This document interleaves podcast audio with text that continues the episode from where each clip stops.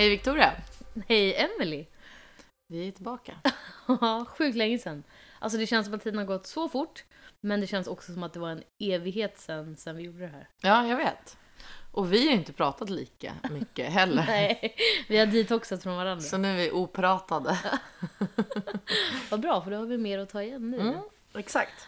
Vad har hänt på de här, alltså vad är det, typ en månad? Mm. Eller är det mer? Nej, jag tror att det är en månad. Eh, nej, men eh, Och hur mår du? ja, alltså jag var bra.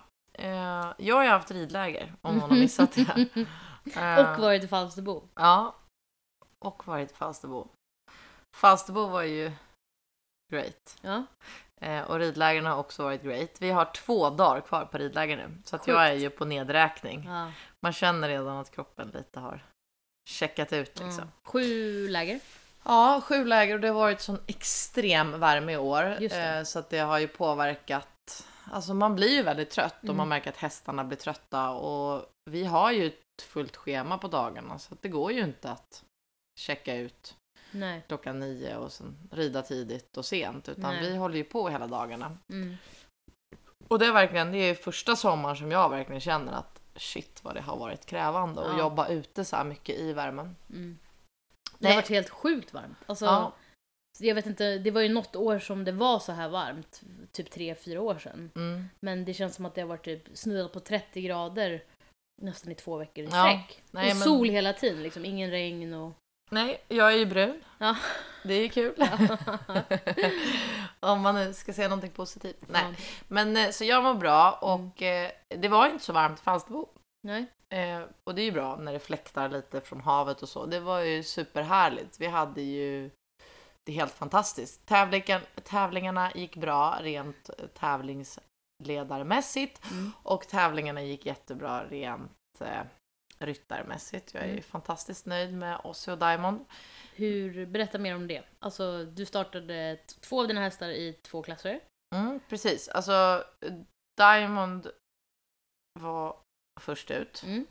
Eh, och han var ju eh, nummer 12 av 13, det var 12 till final. Mm. Men, eh, och jag var jättenöjd med det. Jag var nöjd med procenten och jag var nöjd med hans prestation. Sen är inte han den hästen som har den flashigaste gången, så jag trodde inte att han skulle kamma in några 80 procent, utan det viktiga för mig var att han gjorde en bra runda där nere och skötte sig in på den arenan, Mm. vilket han verkligen gjorde. Mm. Eh, så Diamond var en eh, stjärna och tog sig då till final. Och sen eh, var det Ossie. Mm. Eh, och jag var ganska nervös när jag skulle rida Ossie. För att Ossie betyder ganska mycket för mig. Eller det gör ju alla hästar men eh, Du, jag... tror, du tror väldigt mycket på jag- honom och han är en av dina bästa hästar nu. Ja, och jag tror väldigt mycket på honom i sjuårsklassen för att Mm. han har så lätt för sig. Så det känns också som att jag måste leverera när jag rider honom. Mm. Eh, och jag tyckte att jag hade svårt att hitta fokus. Mm. Ehm, Inte så konstigt med tanke på vad du roddade där nere. ja, och jag var lite, jag hade så här, jag vet inte, det blev lite sent kvällen innan och jag kände mig lite trött och jag kände mig nervös och jag kände mig, ja, så här olik, olik, olik mig själv när jag ska starta. Mm. Så att jag gick på funktionärstoaletten och slog mig själv på kinden och sa att nu får du fan get your shit together för det är det här du är bra på. Och sen eh, Gjorde du det? gjorde jag det. Ja, för han gick ju jättebra i, i eh, kvalet. Mm. Eh, jag red framför Johanna på framridningen första gången jag rider framför henne Kul. på framridningen. Ja, det var jättekul, men eh, jag sa ju också till henne hur jag skulle rida och inte så att det var eh, stewarden sa så här, är hon eh, lite taggad idag? typ för att Johanna bara, ja men nu måste han upp i formen. Och jag bara, nej han måste inte alls upp i formen. Så att jag var eh, liksom, jag var taggad. Mm. Men eh, det var som Johanna sa, du hade ju stenkoll på läget. Och det var ju skönt och det är bra om jag känner mig lite sådär nervös eller tycker att det är väldigt viktigt. Då litar jag nog mest på mig själv när jag är lite taggad också. Mm. Jag behöver vara det för att Mm. jag ska lita på att jag levererar. Mm. Och det gjorde vi ju verkligen. Vi gjorde en eh, fantastiskt fin runda eh, och eh, tog oss till final. Mm. Och jag hade en strategi med eh, Ossie att jag ska inte hålla på att träna det här finalprogrammet För att det är så liten chans att jag kommer till final.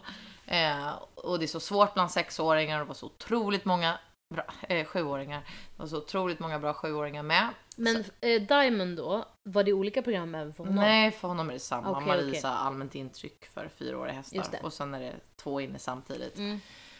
Men eh, så då kom ju nästa. Först var man ett glädjerus över att man skulle rida Final? sjuårsfinalen i Falsterbo. För att eh, om vi har 34 kvalade, nej 34 anmälda femåringar i Falsterbo Mm. och sen har vi 25 anmälda sexåringar och sen hade vi 17 anmälda Mm, sjuåringar men mm. det var 14 till start. Ja, det är inte så mycket nu. Nej, eller 15, men skitsamma. Det Nej var, men det är väl ett stort hopp där mellan 6 och 7-åringarna? Ja, det är ett jättestort hopp. Mm. Det är svårt att gå från 5 till 6 men Mm. det är framförallt jättesvårt att gå från 6 till 7. Mm. Så det är många som försvinner på vägen för att det, eh, det är tufft för en sjuåring att gå i princip Sankt Georg. Mm. Så att jag skulle ju också lära mig eh, sjuårsfinalprogrammet. För jag Mm. har ju aldrig ridit, jag, ingen av mina hästar har varit redo förut för sju år. Så jag har aldrig ridit en sjuåring i Falsterbo och jag har aldrig ridit en sjuåring i Final? final i Falsterbo. Nej. Kul. Alltså det var kul. Mm. Eh, jag, jag och Briman var väldigt nära ett år. Eh, jo, jag har ridit en sjuåring i Falsterbo för jag red Briman som sjuåring i Falsterbo. Men eh, han tog sig inte till final. Eh, Briman och jag var väldigt nära för han gick travprogrammet väldigt bra och sen öppnade sig himlen eh, till galoppen. Mhm. Så då blev man väldigt spänd. Mm, men ja, det var eh, spännande då för att i allt annat rådande så skulle jag lära mig ett helt nytt program eh, och eh, rida övningar som jag inte hade gjort förut liksom, i, i programmet. Kan jag, så här i efterhand, ja, men jag tycker att jag gjorde rätt eh, prioritering men nu när jag vet att han kom sexa så framöver så får man ju eh, höja tankarna om våran prestation så Ja. att man kan förbereda sig för en final. Men fram tills nu gjorde jag nog rätt upplägg. Eh, så att det var ju två serier och galoppombytena var på kortsidorna istället för direkt när man kommer ut från piruetten. En svår sväng. Ja, och ett litet mäckigt program liksom. Man ska helt plötsligt göra en överstrykning och sen så ska man stretcha ut halsen. Det är Mm. flera moment som är lite orytmiska. Mm. Så det stressade jag ju över på söndagen, även om jag skulle få njuta över att rida två hästar i final på måndagen. Mm. Och det blir ju också en annan grej när Falsterbo är tio dagar så Vanligtvis. kanske jag rider en eller två och sen Mm. är jag tävlingsledare resten. Nu var Falsterbo dressyr tre dagar och jag red tre dagar. Mm. Så då har man ju dubbla roller hela Hela tiden. Mm. Eh, och sen var det först ut eh, eh, Diamond i finalen. Eh, och han gjorde en ännu bättre insats. Mm. Eh, så vi var superglada. Ehm, ja, jag är helt imponerad över den här hästen som också inte är eh, riden så länge. Nej. Och har inte, jag vet att jag sa det innan här i podden också. Att han, det är en risktagning att ta ner honom dit. Men Mm. han klarade ju allting lysande. Han klarade ärevarm, rosett och allt möjligt. Så han är en eh, bres kille nu Ja, kul ju. redan fyra år gammal så nu har vi eh, höga förväntningar på honom framöver. Så det var roligt att rida Diamond i finalen och eh, jag var mycket lugnare inför eh, finalen med Ossi. Eh, Johanna hade åkt hem sina hästar så att jag eh, ställde Krille på kortsidan och han har ju aldrig hjälpt mig förut med Ossi. Ehm, Men han har hjälpt dig tidigare på framridningen. Ja, han har hjälpt mig tidigare på framridning och han vet ju att han liksom bara ska säga bra när Ja. det är bra Ja. eller ja, typ så. Eller fin när han är fin liksom. Mm. Det ju, känns ju tryggt. Så att eh, jag, jag kände mig lugnare och det var väl för att nu var det ju, kunde jag slappna av lite. Mm. Eh, och inne i programmet så var han helt fantastiskt fin, både i traven och galoppen. Men jag eh, var så koncentrerad på piruetten så jag gör ett byte på det gamla stället Mm. efter piruetten. Det var ingen felridning utan det var bara en liksom, tillfällig. För jag såg ju Blockout. det här på... Eh, för de, Falsterbo sänder ju vissa klasser live. Ja, Så jag kollade ju på det här med Tinto som vi återkommer till senare. Men han, eller han, jag, vi, vi tyckte att det såg ut som att han bytte kanske lite av sig själv. Alltså för att det är en lite svår sväng. Och Mm. Ja. Det var många tidigare ekipage som hade gjort samma sak. Ja. Mer för liksom miss i kommunikationen och att det inte är så, liksom, det är inte så farligt. Så jag trodde mer att det var han som gjorde ett överslag, inte att du som... Nej, det var bytte. jag som gjorde ett byte. Så att, eh, stackars Ossi. Men du rättade ju jag till rättade det sen. till det tre, Ja. tre millisekunder efteråt. Bröt Ja. jag av. Och det är ju så, om man gör ett galoppombyte på fel ställe. Mm. Då får man ju dåligt på den förvända galoppen och noll på bytet. Mm. Vilket innebär att du måste bryta av fatta förvänd galopp Mm. och byta på rätt ställe. Exakt. Annars tappar du massvis med poäng. Då tappar du båda momenten. Ja, så det var ju tur att jag räddade upp det där fort. Mm. Hur, hur kom du på det då? Du Nej men det- jag kom på det när jag hade gjort det. Ja, okej. När jag såg bokstaven A kom jag på det liksom. Eh, och det tycker jag ändå, alltså så här, jag har inte tittat på programmet någonsin i hela mitt liv förrän söndagen och ska rida två hästar i final i två olika program på måndagen och jag, det var den liksom. Och det var inte en felridning egentligen utan det var bara hjärnsläpp att jag Ja. gjorde som jag brukar göra efter Mm. piruetterna på honom liksom. Mm. Eh, och det hade inte påverkat slutresultatet någonting i alla fall. Ossi steg ju fyra placeringar i Mm. finalen så att vi slutade sexa i sjuårsfinalen. Så kul. Och det är ju liksom så här, jag har den sjätte bästa sjuåringen i Sverige. Sverige. Mm. Det är coolt. Det är så coolt. Ja, det är ascoolt. Och det är en så svår klass liksom. Och jag var helt eh, tagen. Mm. Så att, eh, ja, det var fantastiskt. Vi stannade några dagar till i Falsterbo. Och hade lite semester. Mm, och bara njöt av Falsterbo as old times för Mm. att bara få äta på restaurangerna, se havet. Mm. Jag låg på stranden, det har jag Mm. inte heller gjort på senaste fem åren liksom. Nej. Så att eh, det var jättekul. Eh, och Ossi har faktiskt fått vila sedan dess. Mm. Och nu är det ju tre veckor, men nu ska jag snart på semester så han kommer ju nog ha vilat en månad efter Falsterbo. Och jag tycker liksom att det är... Ja men de Schysst. brukar ju oftast också typ växa och landa så mycket av att få vila Ja, under längre perioder. Det är ju sällan man ångrar att en häst har vilat. nej, och en, en sjuåring som går allt det den ska göra och så Mm. pass bra. Så jag, alltså han ska inte göra piaff och passage just nu i alla Nej. fall, utan vi kan träna på det i höst. Nej, skynda långsamt är väl ändå någonting som man ofta återkommer till. Ja. Alltså, det är många som gillar att, att piaffa på sina fyraåringar men liksom, vad ger det i slutändan egentligen? Alltså, nej, han så. kan redan piaffa. Jo men Så- alltså, och så här, det är inte så att han måste kunna det nu. Nej, och sen kände jag så här, borde jag sätta igång honom den här veckan? Nej, men då ska jag sätta igång honom för att han sen ska vila när vi är på Mm. semester och då är det bättre. Nu får han eh, vila en vecka till och sen kör vi på Mm. mot nästa mål. Men apropå det så, att skynda långsamt. Det är många som, för OS pågår ju nu, och det är många som rider unga hästar Ja, i så höga klasser ja, i ett olympiskt mästerskap. Jag blir så liksom typ fascinerad över att, att det ens är möjligt att rida typ en nioåring i Grand Prix. ja, det är svårt. På OS. Men det är väldigt talangfulla hästar och Ja. väldigt talangfulla ryttare Ja. ehm, som klarar det. Mm. Och det, man Men ska det är ju inte långt tro ifrån att, alla. Nej, och man ska inte tro att man kan få vilken nioåring som helst att göra det. Utan Nej. det är talangfulla hästar som Ja. inte har så svårt för det. För annars Nej. kommer de inte hålla sen. Men apropå eh, att det är färre, vad säger man, att det är fler, vad sa du, fyraåringar, färre femåringar. Nej, fler femåringar, färre sexåringar, Ännu ännu färre mindre sjuåringar. Har, kan det ha att göra med att det liksom att, eh, vad säger man, övningarna eller momenten blir svårare Ja, och att du måste ha en ännu mer ridbar häst för att kunna ta dig igenom det? ja, du måste vara en ännu duktigare ryttare. Alltså det är tre. Alltså utbilda en häst till svår dressyr, det är kanske fler som faller bort då av Mm. ryttarna som inte har utbildat lika Men många också- hästar till svår dressyr. Men också kanske hästar som inte, som har en jättehäftig gång, gång men Mm. som kanske inte har lika lätt för att, vad ska man säga, eh, falla i, alltså hamna rätt i utbildningen Nej. där den måste göra det. Sen liksom. behöver man ju inte, vare sig hästarna går i Falsterbo som fem, sex eller sjuåringar så behöver det inte vara kört utan Nej.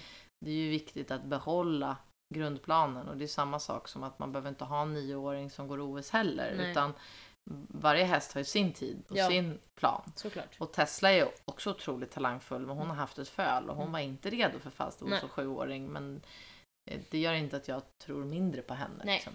Men det, eh, det för mig lite till att ni ju hade ändrat lite konceptet i år för eh, dressyren. Mm. Att ni hade lagt till ett bedömningsmoment som var inte bara allmänt intryck utan också eh, att man bedömer alla momenten. Ja, exakt. Och det här hade jag ju helt missat för vi, eller vi hade inte pratat om det här inför Falsterbo. Så att när jag får reda på det här så läser jag det i typ tidningen Ridsport. Ja, ja. att du har infört ett nytt system i Falsterbo. Och då är min första fråga ett, hur lyckades du med det? Och två, vad, eh, vad känner du eh, för det så här efterhand? ja men för då- jag blev ju sjukt imponerad när jag läste det här vill jag bara säga. Ja, nej men då är det ju så att eh, Falsterbos organisationskommitté har inte velat följa strömmen och införa unghästprogrammen. Så att när eh, fem och sexårsprogrammen kom till, Mm. FIs inledande program för femåriga hästar och FIs inledande program för sexåriga hästar, eh, som då också bara bedöms med allmänt intryck. Då ville inte Falsterbos organisationskommitté göra det. Okej. Så att man fortsatte att rida de gamla unghästprogrammen som var typ lätt A3. Mhm. Och så blev alla unghästar bedömda punkt för punkt. Men hur länge sedan var detta? Det var så när jag blev tävlingsledare. Okej, så för typ tre år sedan. Ja, Mhm. eller fyra nu med corona blir det. Så då har man ju egentligen då när man kvalar till Falsterbo så har ridit ett typ av program. Ja, Och sen när man kommer till Falsterbo då har man ridit Ja. ett annat. Okej. och det höll man väldigt hårt fast vid. Mm. Eh, men det vill ju inte, alltså eh, förbundskaptenerna vill ju ha Falsterbo som uttagning till ungens VM och Ja. då är det väldigt svårt att ta ut till ungens VM om de rider ett annat program. Ja. Eh, och sen är det eh, inte så populärt att bara ha eh, allmänt intryck när vi har haft vårt speciella upplägg i Falsterbo i alla år.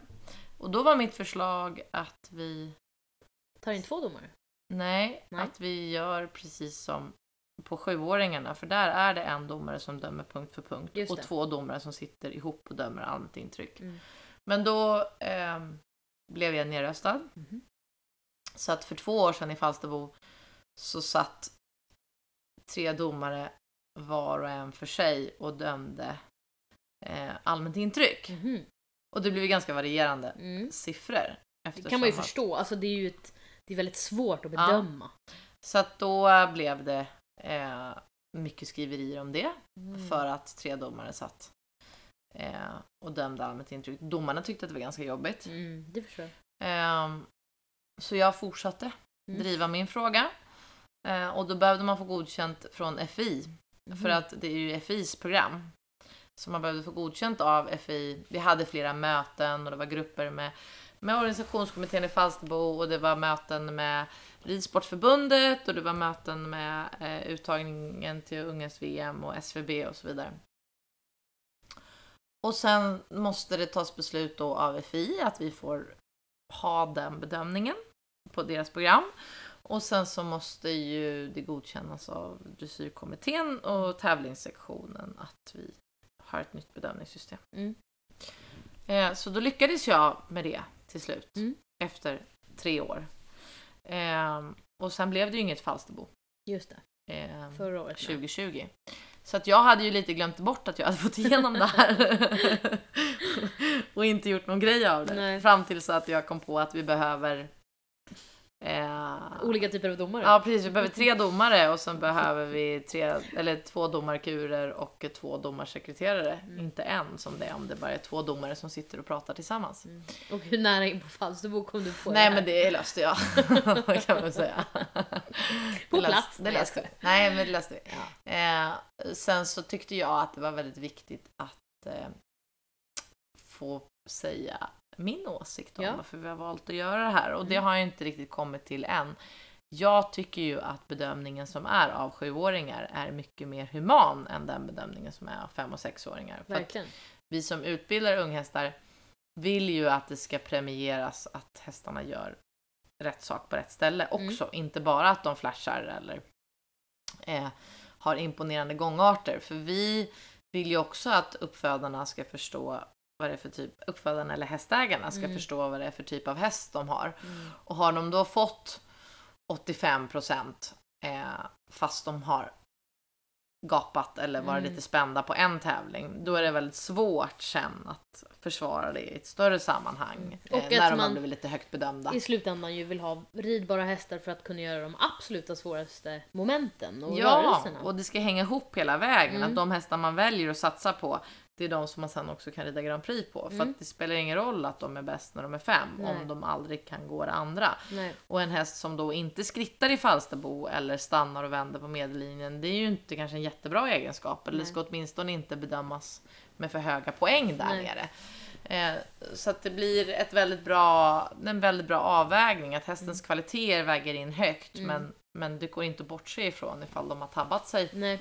för många gånger i programmet. För om man kollar på alltså, ekippor och ser resultaten så min första tanke var så här, oj här är någon jättegenerös domare och här är någon som inte var lika snäll. Ja, men om man Tills går in jag- och tittar sen Ja. och klickar så ser man ju hur, hur Tills jag fattade att ut. den ena var gångartsdomare och den andra var mer liksom Och moment. det är två domare som sitter ihop Mm. och dömer gångarten och allmänt intryck. Och Ja. en sitter själv och säger punkt för punkt. Mm. Men det var ju ingen som tyckte att det inte var bra. Vad kul! Mm. För det var min nästa fråga, vad reaktionerna var på det här. Om, för att, att, att det är ett steg i rätt riktning tror jag helt hundra på. Ja. Men, men det kanske är någon som inte tycker att det är lika kul att bli bedömd så pass hårt, så pass tidigt. Eller förstår du vad jag menar? ja. Och det enda kritiken man skulle kunna säga att man har fått är att vissa ryttare då som vill ha värdet på sina hästar, de tycker ju att procenten, den totala procenten blir lägre. Så säger man så här, ja, jag red på 74 procent Ja. i Falsterbo kontra jag red på 89 härning Ja. för att den totala procentsatsen sjunker ju. Såklart. Men om man, då får man ju klara av att förklara det, Ja. att det var den typen av bedömning. Mm. Men jag skulle tycka det var fantastiskt om det var fler som ville ta efter det här. ja. Och eh, tänk om, det här är så här en dröm, liksom. Mm. tänk om om två år eller om fem år att det är det här bedömningssystemet man använder i Sverige till Mm. exempel. Så skulle man ju känna, alltså jag skulle ju själv känna att det var, Så häftigt ju. ja. Jo men för jag det är ju därför jag tog det här jobbet. Mm. För att jag vill vara med och bidrar. föra svensk dressyr framåt Ja. och vara engagerad. Liksom. Mm. Och man ska inte ta den här typen av positioner för sig själv utan för det man brinner för. Ja. Liksom. Så det känns ju som att man har fått igenom någonting väldigt eh, värdefullt. Ja men också att det är helt rätt steg eftersom att vi pratar väldigt mycket om att det finns jättemycket flashiga hästar som säljs Ja. idag och in, alla är inte lika ridbara. Nej. Och att då liksom proffsen hittar material och kan reda ut det men många andra gör inte det. Att det är så här, man måste ändå gå mot att vi ska avla lika fina hästar men de måste också kunna vara ridbara och att det Alltså vi bara måste få oss en tankeställare nu Ja. eh, istället för om fem eller tio år när, när det är omöjligt för mig att köpa en häst för att det bara finns liksom för toppstammade hästar. Att det bara känns som ett rätt steg i den riktningen. Och premiera bra utbildning och bra ridning. Ja, och att jag menar även fast en häst är ung så ska den ju kunna fatta galopp vid rätt bokstav. Alltså det, man ska ju Ja. öva för det redan från att de är eh, unghästar. Ja, och det kanske också blir en annan ridning inför en sån tävling som Falsterbo om man vet att man blir bedömd på det sättet. Ja, såklart. Ja, jag var i alla fall sjukt imponerad av eller jag är sjukt imponerad av ditt engagemang där nere och eh, också av resultaten såklart eftersom att både och gick bra. Vad tycker du generellt om liksom, det nya formatet? Jag vet att det är ett speciellt år, det är sport edition, det kanske går mer mot det normala nästa år, jag vet inte men Ja, det hur... hoppas vi verkligen. Jo men jag menar hur har ni, hur har du upplevt den här förkortade versionen? Ja, men det var så mycket på så kort tid så det är Ja. ganska svårt att bilda sig någon, typ. Det är klart att det är skönare att gå där när det är mindre folk om man nu ska prata rent privat liksom. Eh, tillfällig tid från att ta sig till banan till, eh, till stallet. Mm, Det är det enda positiva. mm, Ingenting annat är ju positivt Nej. för vi vill ha så mycket publik som möjligt. Vi Mm. vill ha så många deltagare som möjligt. Vi vill att hela Falsterbo ska fyllas av människor Mm. och ehm, det blir mycket lättare att göra en bra tävling med mycket publik. mm, Alla förutsättningar är bättre. mm. Så att eh, det är ju bara så att det enda som var positivt är ju ur ett privat, en privat synpunkt att Ja. det var lite mindre folk. Mm. Eh, för att det blir inte lika stökigt liksom. Men, Mm. och det är ju hela poängen. Ja, det ska vara lite Ja. stökigt. Så Men- att vi, vill, eh, vi vill köra eh, Falsterbo Som riktigt. vanligt. Ja, Och vi längtar efter att stå och trängas ja i, i mat, i matköerna som aldrig tar slut. Ja. Ja, men eh, både du och jag har fått första vac- vaccinsprutan. Mm. Eh, har du fått din andra? Nej, men jag har bokat. Ah, nice. Nionde eller tionde eller Ja. sånt där. Mm. Nej, jag eh, har inte fått boka än, men det kommer väl snart. Och det känns som att, Varför har du inte fått boka? alltså för att man får typ en så, hej nu är det dags att boka spruta nummer två. Aha, Alltså jag får inte boka jag. den, nej men det funkar olika, olika län. Men Mm. jag kollar här på ditt eh, fula vaccinationspapper, det, eller vaccinationskortet är utskrivet A5. Jag fick ändå ett litet så eh, fint kort. Ja, nej det här är all Ja. time. Nej, alla gör på olika sätt. Det viktigaste är väl att vi får eh, vaccin och att, eh, eh, att vi är på väg mer åt det normala, även fast det kanske inte blir exakt som förut. Ja. Och så håller vi tummarna för en Falsebo-podd. Kanske nästa år. Ja. Du svingar med det också. Ja.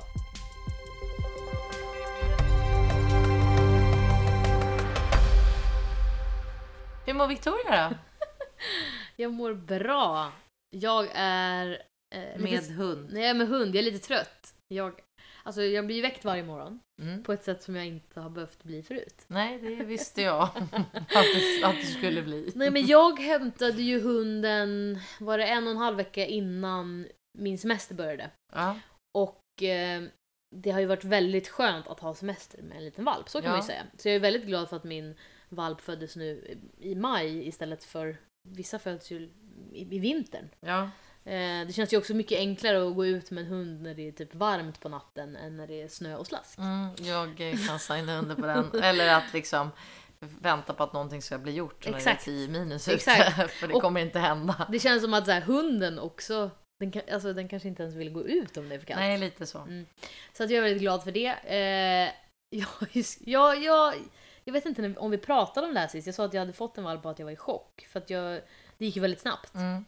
Det var ju... Eh, jag, jag var ju liksom så här, ska jag, ska jag ta det här nu? Ja. Ja, men jag är jätteglad att jag gjorde det. Och eh, han är världens gulligaste. Eh, och eh, ja, alltså han är väldigt snäll. Han är Mm. väldigt lättlärd so far. Ehm, och känns liksom, vad ska man säga, så här, rimlig. Han han väcker mig typ klockan sex på morgonen, men Mm. inte 02 och 04. Kanske någon gång om man är dålig i magen eller haft en orolig dag eller så här, mycket nya intryck. Men, men, och sen så går jag och lägger mig eh, igen med honom och sover två timmar till. ja, det är skönt. Och då liksom le- busar han lite så. Och sen till slut ger han upp och han var okej, vi kan sova lite till. Och sen blir det nästan att jag får väcka honom. Så jag tror ändå Men vad är största chocken? Att Alltså, bli hundägare? Ja, det är väl typ det här med att jag inser att eh, den här rasen kan bli typ 17 år gammal. Ja, det är coolt. Det är coolt och att jag då när jag är 47 Mm. potentiellt skulle kunna ha kvar samma hund. Mm. Ja, men det har jag också tänkt på. Ja, det är ju galet. Nej men alltså, den största chocken är ju typ att man inte kan lämna dem i början ens en minut. Nej. Alltså de är ju, man ska ju inte ensam träna för tidigt. Så det här med att typ handla mat, Mm. eh, jag har ju inte kunnat träna. Nej. Eh, man hela tiden ska vara där han är. Så att, och det är liksom så här, jag såg framför mig att jag kan läsa massa böcker typ. Nej, jag, jag har typ snarare liksom, när han har sovit då har jag typ gått och lagat mat och typ diskat och Ja. tagit hand om det som jag inte har kunnat göra när jag, han har varit vaken och jag har fått leka med honom. Nej. Så att det är ju en, alltså det känns ju som att jag har ett barn utan att liksom smälla en, någon förälder på fingrarna. Men jag Ja. har ju varit eh, och besökt min kompis Maja och hon har två barn och hon sa, Mm. hon bara det är typ som att du har fått en unge nu Victoria. och då kände jag, om en mamma säger det så är det ju Mm. typ lite så. Eh, så att det, det är väl typ det, den största chocken att så här, och så försöker man förklara för folk att så här, nej men vi kan inte gå ut på en lång promenad för att hunden får inte motionera så mycket Nej. I början och han fattar typ inte det här med att gå i koppelen. Och bara nähä. Alltså så här, allting måste man ju lära en valp. Ja. Den kan absolut ingenting Nej. förutom att sova, bajsa, kissa och äta och leka. Och gosa. Och gosa. Eh, nej men just nu är han ju inne i en väldigt oral fas skulle jag säga. Mhm. Han gillar att bita på saker. Okej. Eh, så att det är... Alltså de har så sjukt vassa tänder med valpar och de tappar ju dem när de är typ sex månader. Vilket också är så här fascinerande. För att ibland när han typ drar i saker som jag håller i så tänker jag bara snart släpper en tand. Och så får jag lite så obehagskänslor. Men de sitter ju kvar av någon sjuk anledning. Eh, Men ja, de är sylvassa. Mm. Så att jag har märken i princip överallt på min kropp. Och mina kläder. Han älskar ju typ att hoppa i liksom, alltså han har typ bitit sönder ett kuddfodral, han har bitit sönder mina pyjamasbyxor. Han liksom hakar fast sig och låser liksom käken i allt han kommer åt. Om det så är liksom en, en tjocktröja som hänger ner eller liksom tvätten som är hängd på, på tork utomhus. Alltså han är en liten terrorist eh, men eh, jävligt eh, gullig. Eh, en gullig terrorist. Nej, jag, eh, alltså jag är fortfarande i chock tror jag. Alltså någonstans så förstår man ju inte riktigt vad man ger sig in i. Jag är glad att jag haft semester och att jag inte har haft så mycket planerat. Jag hade en, en veckas avstickare men i övrigt så har jag varit med honom hela tiden och det Mm. känts väldigt skönt. Men jag är lite så här. ska jag ta en vecka till bara för att liksom Typ- Få tid Ja, honom. och att så här, Mhm. det går så fort. När jag inte såg honom på den där veckan så var han... Alltså jag upplevde att han var dubbelt så stor. Ja. Eh, För att det går så sjukt fort nu, de växer så mycket. Men ångrar du att du var iväg från honom? Nej, det var jätteskönt. Nej. Alltså jag var ju lite så trött och... Eh, alltså jag var ute på en båt och det här hade jag ju bokat innan jag fick reda på att jag eh, fick honom. Eller så. Mm. Så att jag stod i valet och kvalet om jag skulle hoppa på eller om jag skulle avboka då. Och så kände jag bara att nej, typ, han, ska vara, han ska få vara med min familj, alltså mina syskon och de vill lära känna honom och är trygga personer. Och han har varit väldigt så att alla människor han möter han är väldigt vänligt inställd till. Så att han, känner sig, han är aldrig orolig och gnäller och har längtat efter mig utan han blir liksom lika glad så här. Ingen busan alltså? Nej, inte busen utan han är så Oj, ska du vara min mamma nu i två veckor? Eller i två, nej, i två dagar? Så blir han så här så, titta, så glömmer han bort att jag existerar. Ja. Så det har varit väldigt skönt. Det har känts så här bra i magen när jag lämnat bort honom. Och så har jag ju fått landa lite i att jag har skaffat mig en hundvalp. Mm. Så jag kunde vakna mitt i natten på båten och bara Åh, jag måste gå ut med Tinto. och så så bara, nej just det, han är ju inte här. eh, och men det är också så här skönt att typ faktiskt få vila efter två veckor.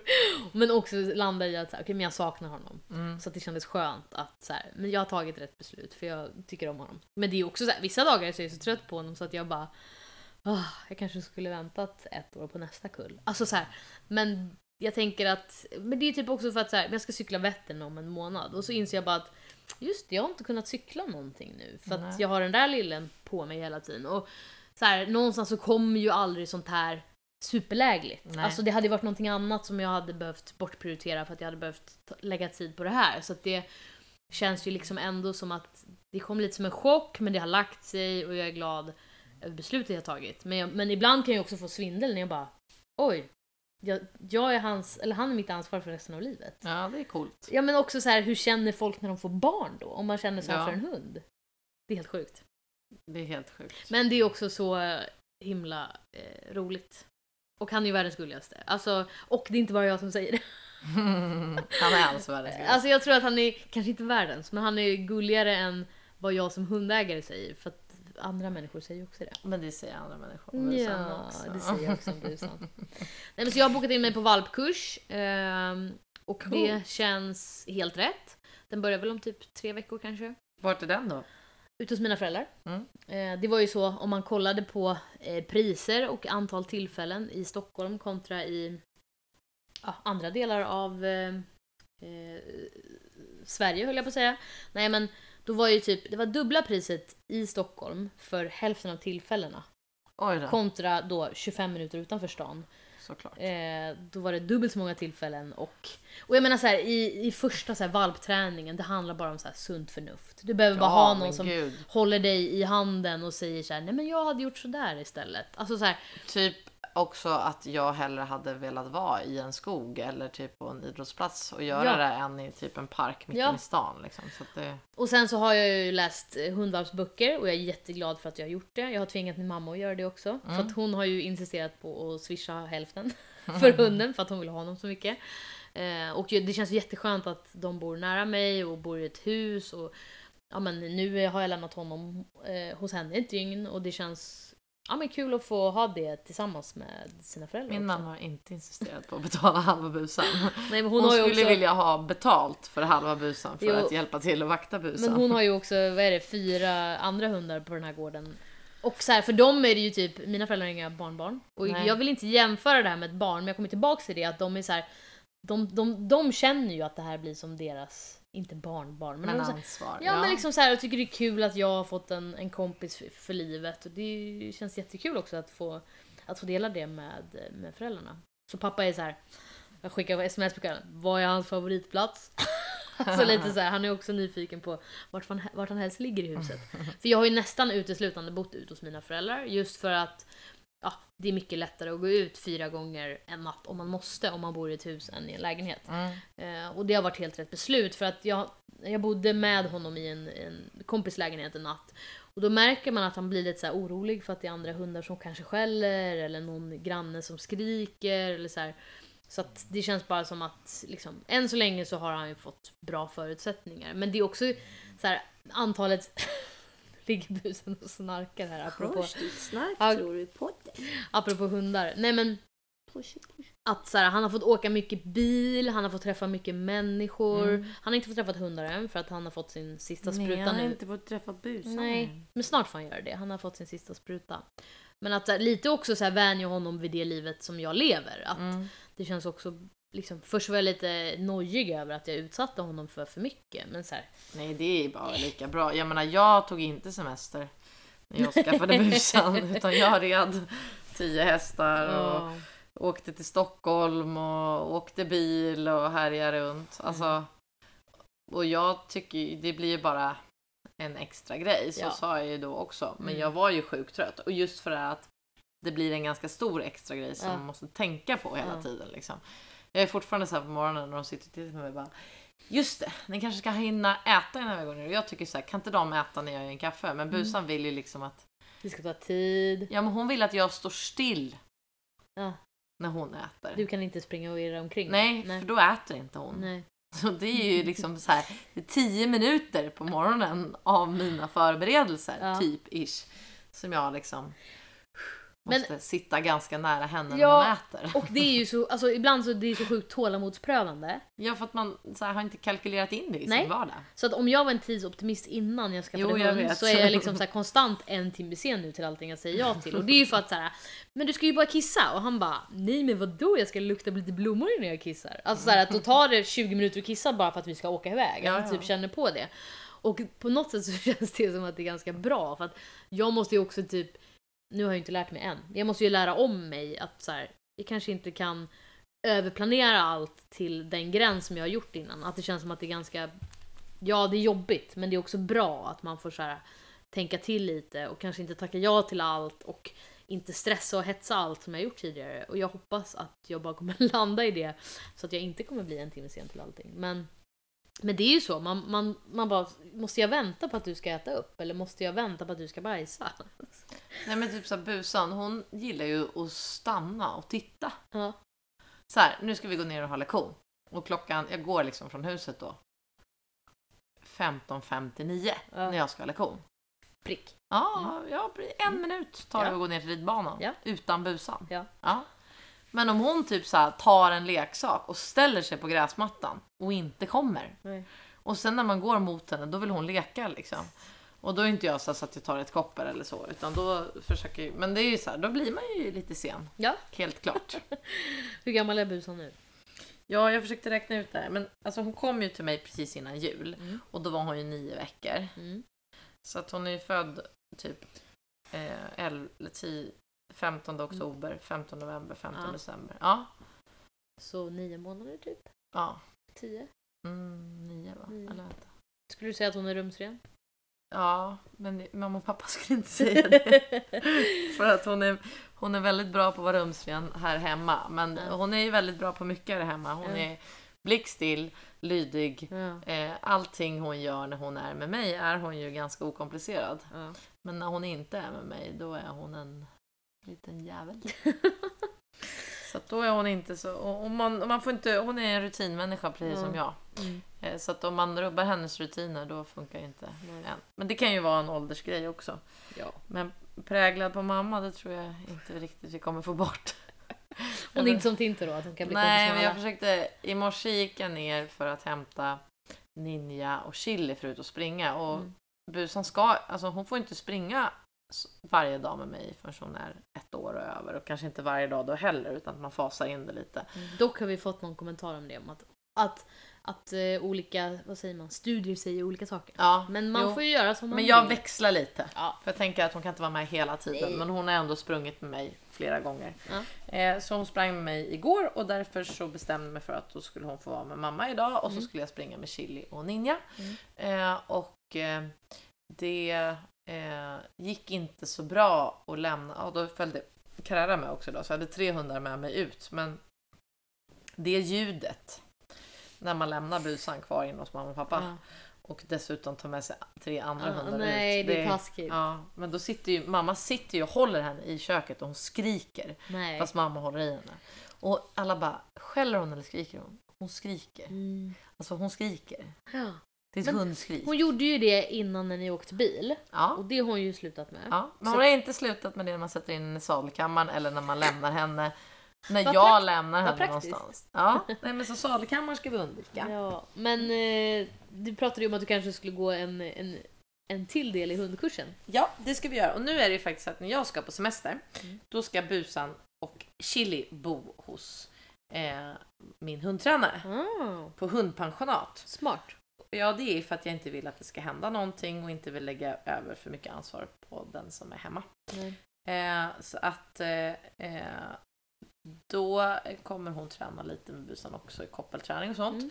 Och sen så ska vi gå med i någonting som heter varannan söndag, nej, var tredje söndag med vaktel. Mhm. Och då är det massor med hundar som är likadana som busan. Va, coolt. Eh, Här i närheten? Ja, det är på samma ställe, samma Okej. hundtränare. Mm. Och då kan man haka på när man kan, för att vissa söndagar kommer jag ju tävla så jag Mm. inte kan vara med. Mm. Men så ska, jag, ska vi gå på den, hade vi tänkt. Kul grej. Jag funderar ju också på att ta jägarexamen. Va? Ja, Bara för att du har en vakt, vaktel nu. Jag kan inte Ja. uttala det. Så, så jag rätt nu? Va? ja men jag vet inte, man kan säga vaktel och man kan säga vaktel. Jag säger vaktel. Men vaktel känns som vaktelägg. Ja, Alltså, så jag säger vaktel. ja, vaktel. Ja. Okej. Eh. Vad, vad tänker du där? Nej men jag har en jakthund. Ja. Borde man inte ha jägarexamen då? Eller, eller så ger du, lånar du ut henne när Krille och pappa och andra Jag gör det. vet, men det hade varit så kul att få vara med. Alltså jag vill inte släppa lös henne i skogen utan att jag har ansvar. Så att nu ska jag bli jägare. Okej. Det är också smart att typ tycka sig jag vill ha den här hundrasen Ja. och sen kommer man på att man vill börja jaga. Jo, fast hellre det än att du sen inser att nej, det där är verkligen ingenting för mig. Hon får absolut inte jaga. Nej, nej. Alltså, jag är mycket för att jag tror att du har köpt rätt hundras och jag tror att jag också har gjort det eftersom Mm. att han uppenbarligen kan sova länge på morgnarna efter att han Mm. haft kissa. Ja, det... Jag, jag är osäker på om Tinto hade överlevt en dag i ditt liv och eh, Busan hade inte överlevt en dag i Nej, mitt det liv. tror inte jag heller. Jag tror att vi har valt helt rätt. Men, men det är inte att säga, det finns ju mycket djurälskare som lyssnar på våran podd Ja. och jag ska inte ut i, i skogen och skjuta djur. Eh, Det är liksom inte min grundinställning utan min grundinställning är att jag vill lära mig en del om jakt för att kanske gå med min jakthund ut i skogen. Det är väl jättesmart. Mm. Jag, eh, vi sa väl att vi skulle göra det ihop för några år sedan? Sa vi? Jag tror det. Men det, det blev lagt på is. Jag, jag tror att jag kanske inte ska engagera mig i en till grej. Nej, det kan vara smart. Nu när du har både föl, hund och Ja, häst. va? just det. Vi kanske får prata mer om, eh, om föl i nästa veckas avsnitt för att tiden har sprungit iväg. Ja, vi hinner inte med någon fråga i det här avsnittet. Erik. Men det, vi hade too much to talk about. Ja, inte enkelt. så konstigt. I och för sig, vi är väldigt glada att vara tillbaka. Ska vi inte bara avsluta med, för du nämnde ju bara någonting om OS. Ja. Och så bara, jag har ju kommit på, alltså vi kan ju säga massor om OS. Det kan vi verkligen Jättekul. göra. Men jag har ju kommit på att jag har ju en Dalera. Alltså Dalera vann ju Ja. OS. Ja. Och Tesla är ju sjukt lik Dalera.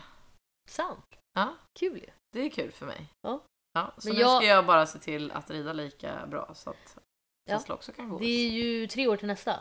Mm. Alltså någonstans så är det ju lite kittlande att det inte är fyra år. För då känns det Ja. ju som att så här, men det är inte så långt bort. Annars Nej. så tycker jag oftast man tänker så här, ja men OS kommer någon gång i framtiden. När det är tre år så blir det mer typ verkligt på något sätt. Som att så här, det händer snart igen. Och att det är närmare nästa gång. För att det är en stor... Paris. Ja men det är ju så här, att köra en häst till Paris. Ja, min häst har redan tävlat i Frankrike. Jag säger Mm. inte att Pyre ska gå eh, OS i Paris. Men att flyga ner till Tokyo hade jag kanske aldrig ens i min villaste fantasi Nej. funderat på. Det är mer bara att det blir mer nära. Det är många som ska eh, till Paris kan vi ju konstatera. Jag tror, jag tror också det. Idag är det, det är inte lika Nej. många som Om- kommer vara I eh, Paris i Paris om tre som år. idag säger att de ska till Paris. Det kan vi vara Det helt kan vi vara överens helt överens om. Och jag menar inte att jag eller min häst ska dit. Jag menar bara att det blir... eh, Det är mycket lättare att ta på nu när det precis har, varit. och, Och, att... igen. Ja, att det känns som att det inte är så långt borta. Men vi måste nog prata kanske lite mer om OS. Men vi får väl göra det i nästa avsnitt då. ja. Eh, glöm inte att skicka in era frågor till barbackapodden gmail.com eller följ oss på Instagram, barbackapodden. Vad brukar jag mer säga? Jag har helt glömt. Det var så länge sedan sist. ja, tack. Vi hörs igen. Tack, vi hörs igen. Hej då! Hej då.